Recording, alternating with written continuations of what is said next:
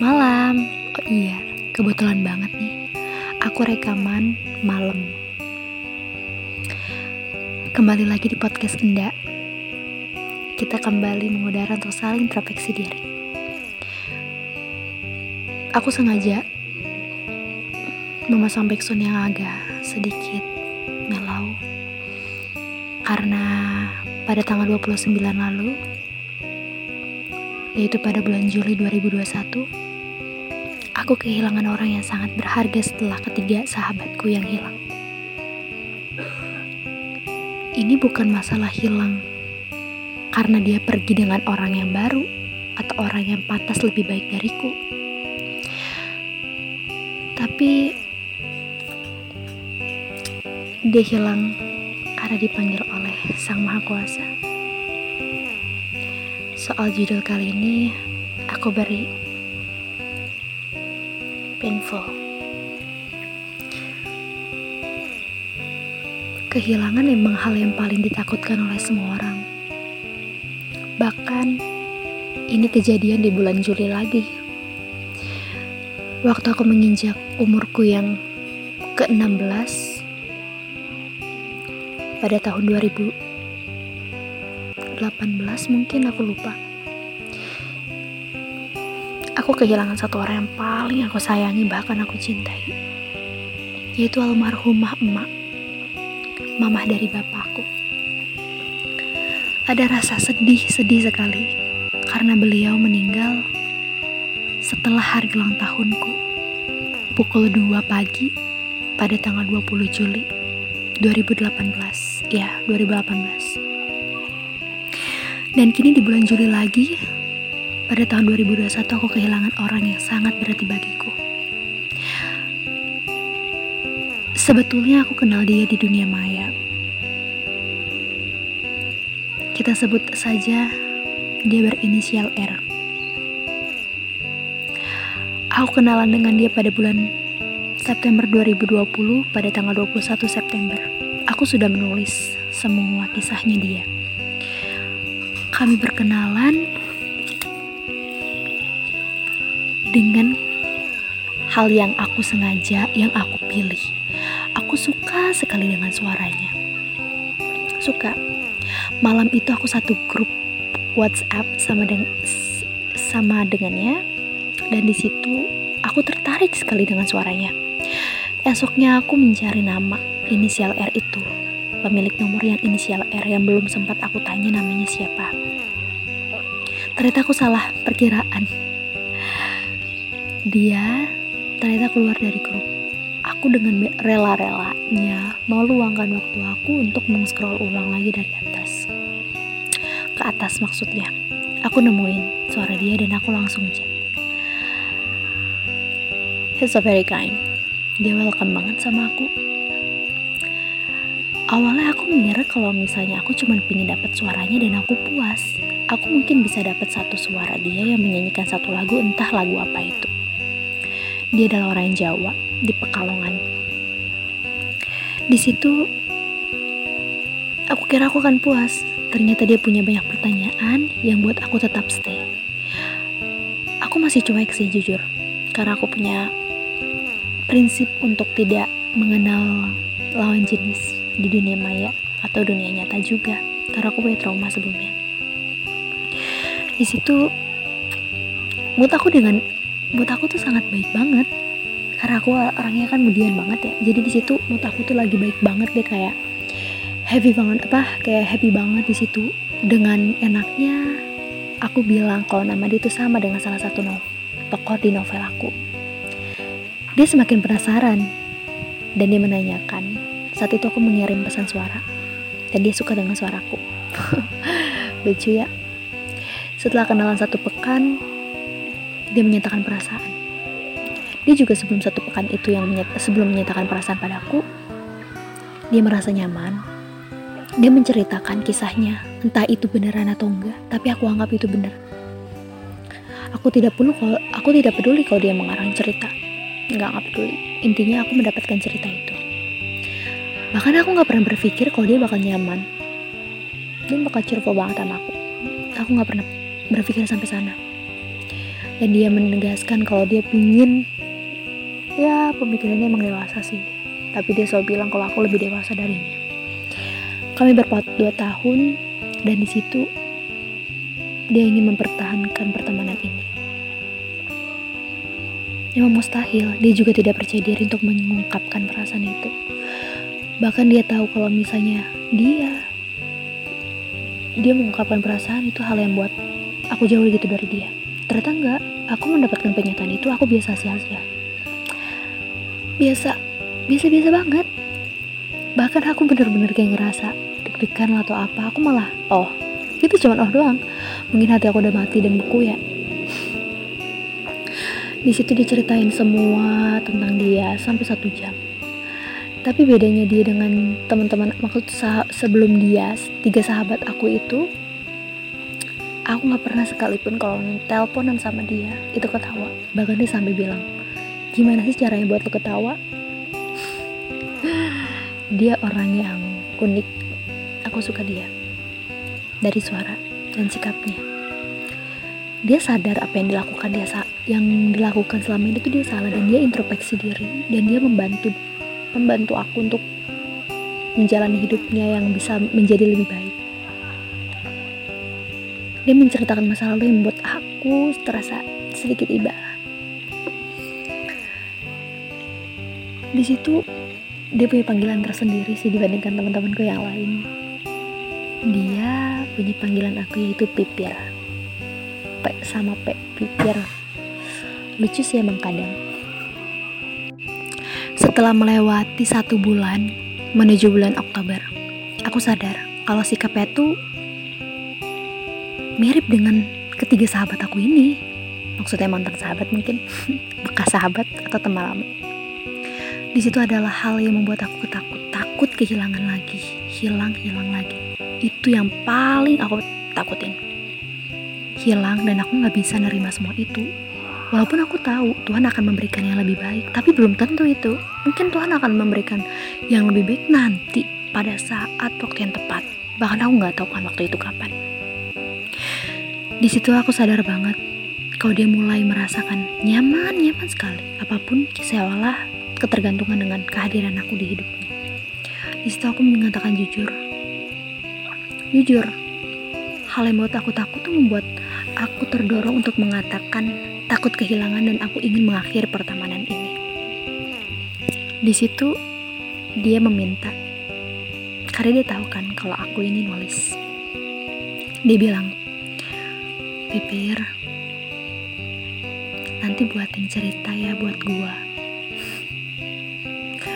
Pokoknya lu buatin ya buat gue tentang gue. Lu kan tahu semua tentang gue. Aku cuma bisa balas dengan senyuman atau dengan ya pasti kok. Ya karena dia adalah orang yang berperan juga setelah ketiga sahabat aku. Di situ ada masalah kecil yang buat aku benar-benar sedih banget. Dan membuat kesimpulan, mak maksudnya membuat aku menyimpulkan kalau dia itu adalah fuckboy. Ya, fuckboy. Playboy atau playgirl? I don't know I don't know terus di situ aku kayak gimana ya? Kayak udahlah. Bahkan kata temen aku yang posisi di situ dia lagi nginep di rumah aku. Dia bilang yaudah sih Fir udah kelihatan kali. Itu pak boy. Sini sini biar gue aja yang balas di situ dia tuh pemikirannya dewasa dan positif thinking terus. Ya udah pipir. Gue tahu. Lo lagi marah. Mungkin lu lagi emosi gue tahu kalau lu lagi emosi tuh kayak pokoknya tuh uh, ada deh kalimat itu kan di line ya. Karena aku langsung ngeblok di WA karena kesel terus dia langsung chat Piper kenapa gue di blok? Gue salah apa sih? Gitu. Emang halnya sepele sih dia tuh kayak buat SW dan SW nya tuh chattingan dia dengan cewek lain dan pakai sayang-sayang. Sepele kan? Tapi di situ aku bener sensitif banget. Pas waktu itu aku sensitif banget apa dia bakal melakukan hal yang kayak gini ke semua orang? Kenapa aku sangat berperasaan? Ya udah di situ bibir mungkin lu lagi emosi. Ini bukan pipir yang gue kenal. Dia sampai kayak gitu bayangin. Sampai di situ pokoknya aku bener marah sampai menunjukkan dia tuh iya gue peduli. Iya gue sadar.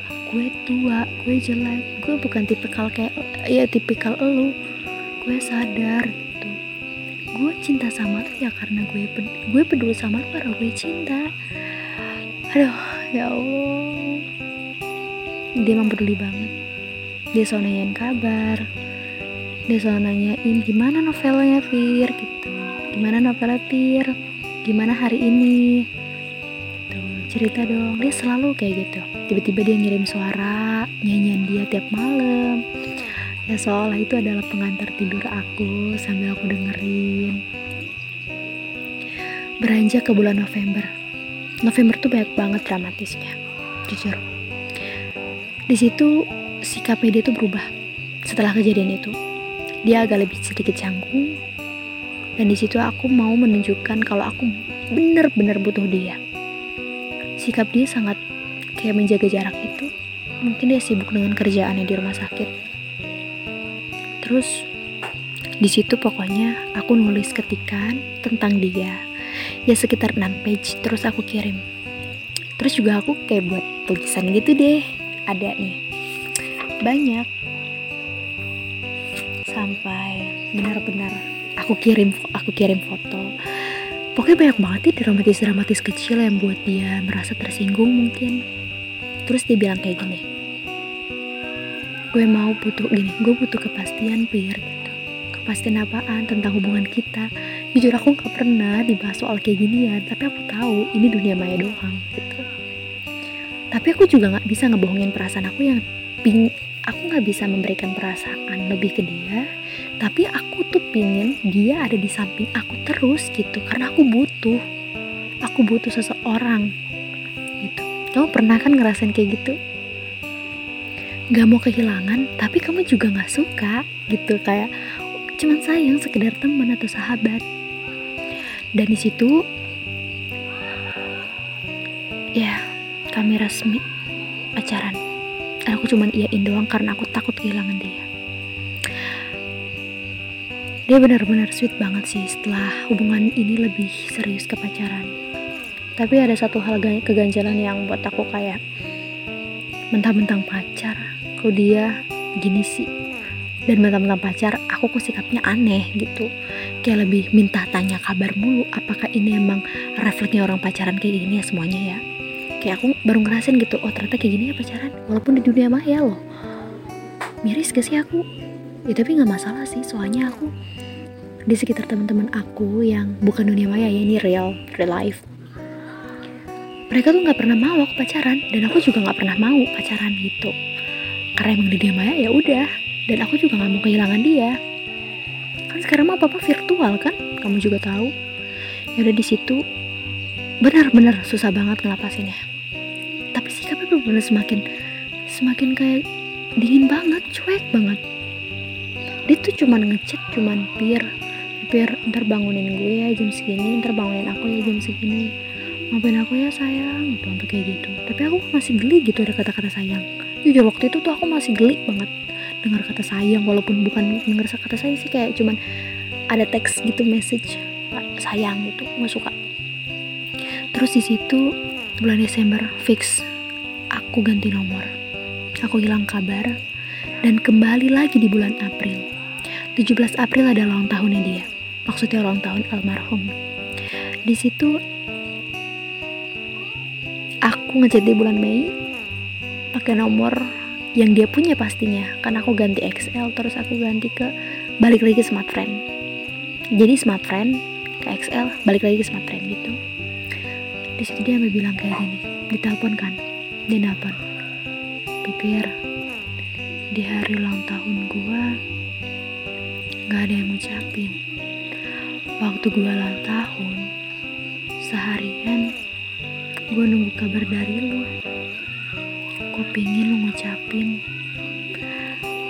tahu itu pernyataan yang benar dia keluarin dari suara hati dia sendiri atau cuman spontanitas doang yang ada dia rencanain?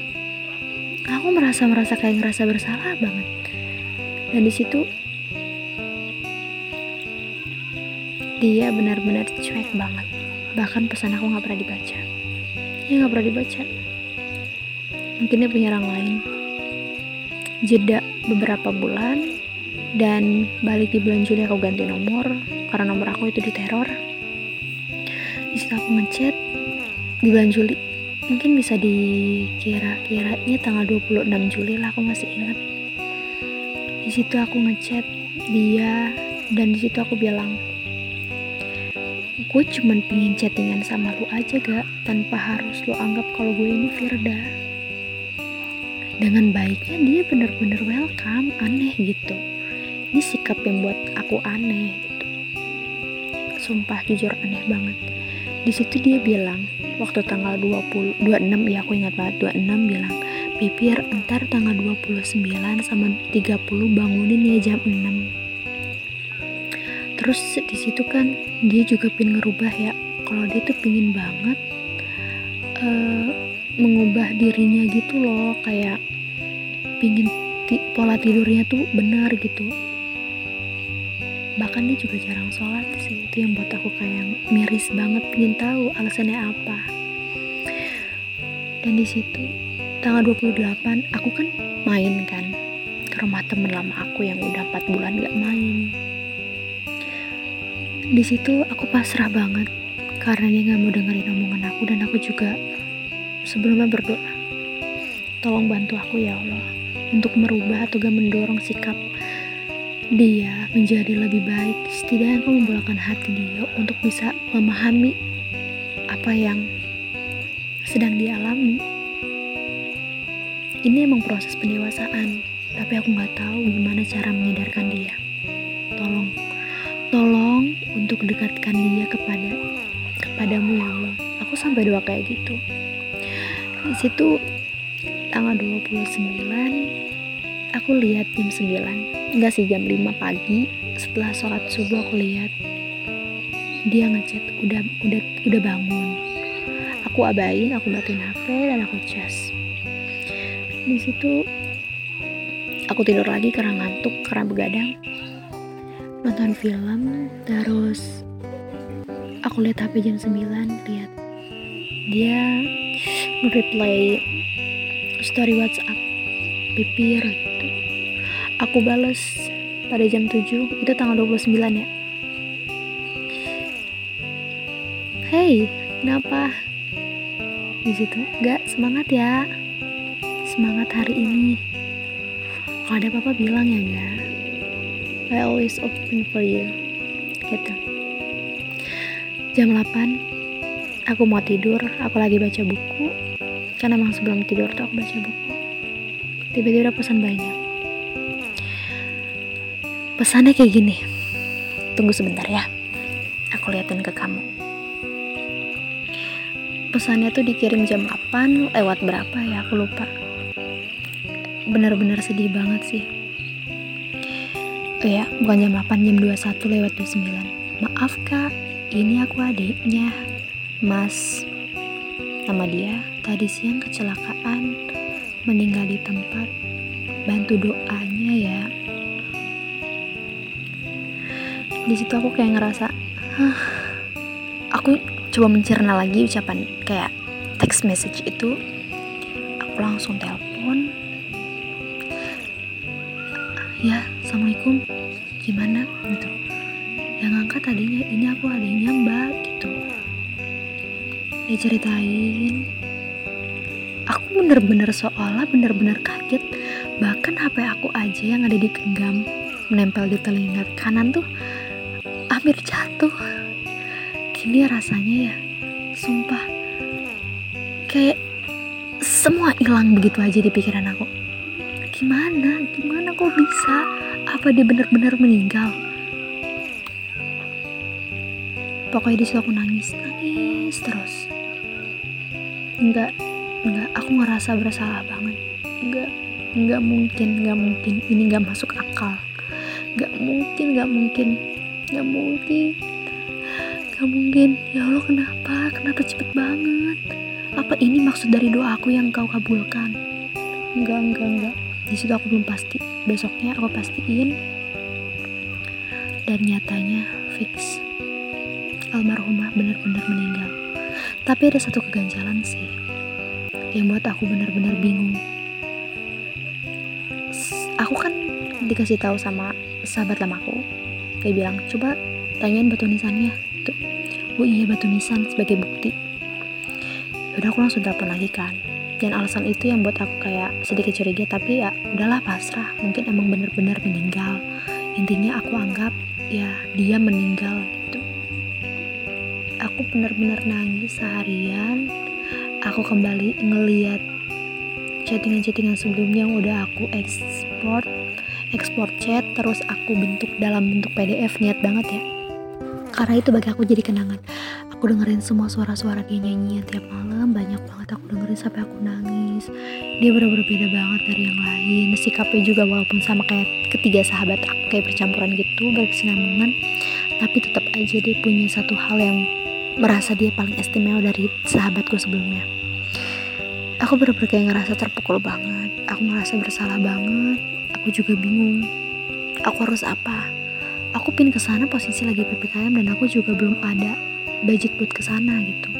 Dan aku harus udah harus alasan apa coba buat ke Pekalongan? Di situ berberaku kayak ngerasa hampa-hampa banget. Ini ya namanya kehilangan. Ini hilang ini benar-benar hilang. Yang nggak bakal mungkin dihidupin lagi yang nggak mungkin orangnya bakal ada di hadapan aku. Kalau emang dia hilang karena benar-benar pergi dengan alasan orang lain lah pengen menjadi lebih baik menerima kehadiran orang yang lebih baik dan lebih pantas dari aku. Lebih pantas untuknya maksudnya. Ya kemungkinan besar aku bisa datang ke tempatnya ngelihat wajahnya aja aku udah ngerasa seneng gitu. Ternyata dia baik-baik aja. Ini mau lihat mukanya gimana? Bahkan aku cuma bisa ngeliat jasad yang tertutup oleh banyak tanah tumpukan tanah dengan batu nisan atas nama dia. Bener-bener ngerasa hilang. Ini ternyata kejadian lagi ya. Bener. Gimana kalau misalnya orang yang sekarang hadir dan dikabarkan meninggal? Gimana? Aku bener-bener gak tahu lagi soal itu. Dan anehnya, kan aku baca chattingan ekspor yang aku buat PDF itu ya dia tuh suka banget sama vokalis band yang 90-an kayaknya. Namanya itu Kurt Cobain kayaknya, aku lupa. Dan di situ dia cerita, dia kan suka banget ya cerita soal band. Dia tuh bilang, vokalis yang dia fans ini meninggal dengan tidak masuk akal. Gitu. Meninggal sengaja tidak masuk akal dan aku berpikir kayak kenapa ya kejadiannya sama kayak dia? Kenapa gitu? dan banyak keanehan-keanehan sebelum dia mening sebelum almarhumah meninggal tuh kayak gak nafsu makan pipir dan itu tepat pada waktu asar. Aku aku bener-bener susah banget sih tapi aku menikmati kesendirian itu menikmati kesedihan yang keterpurukan aku atas kehilangan dia. Jika emang dia bener-bener cuman prank doang dan ada di hadapan aku gimana reaksi aku menerima semua itu. ya, aku ikhlas. Dan sekarang aku bisa lebih baik. Dan ada satu hal yang aku selalu buat aku jadi semangat untuk mengejar semua impian aku. Sebelumnya dia bilang kayak gini, aku tunggu hasil karya kamu pipir. Itu yang selalu terdiam dan dia juga bilang ntar buatin komik ya. Komik loh pokoknya buat cerita tentang aku. Iya. Permintaan dia bakal aku kabulin walaupun aku nggak bakal tahu apakah aku bisa mengabulkan permintaan itu atau enggak. Semoga Tuhan masih memperpanjang umurku. Untuk kamu pesan terakhir podcast ini. Aku tahu kehilangan itu adalah ketakutan semua orang. Perih-perih banget. Tapi jangan anggap kehilangan itu akhir dari semuanya. Gak bakal berakhir kalau misalnya orang yang udah pergi ninggalin kamu. Itu cuma itu nggak bisa lagi bersilaturahmi sama kamu kecuali kalau dia udah ditelan oleh bumi dikubur perih kamu tahu dan kamu sadar kalau Tuhan bakal memberikan yang terbaik tapi kamu juga harus tahu kepergiannya dia kehilangannya dia itu adalah proses pendewasaan kamu. Tuhan tuh punya banyak cara untuk menjadikan diri kamu tuh menjadi lebih dewasa. Itu sudah waktunya, dan jangan pernah kamu mengemis di hadapannya. Setidaknya kamu nanya kabar juga gak apa-apa, tapi jangan ngemis. Ntar sakit kayak aku, sakit hati banget. Jadi ngerasa murahan gitu, bukan murahan maksud itu. Tapi kamu harus ingat, kamu itu gak sendirian kok. Ada aku yang selalu ingin mendengarkan seluruh cerita-cerita kamu. Kamu bisa loh cerita sebanyak apa pun ke aku. Kamu juga bisa melampiaskan emosi kamu lewat Anchor. Karena aplikasi Anchor ini buat semua orang tuh bisa bersuara. Tapi aku mohon jika kamu mengeluarkan suara pelampiasan itu lewat Anchor, Semoga lebih rapi dari aku. Terima kasih udah dengerin podcast ini ya, yang judulnya Painful. Thank you so much. I love you. Wah, dadah.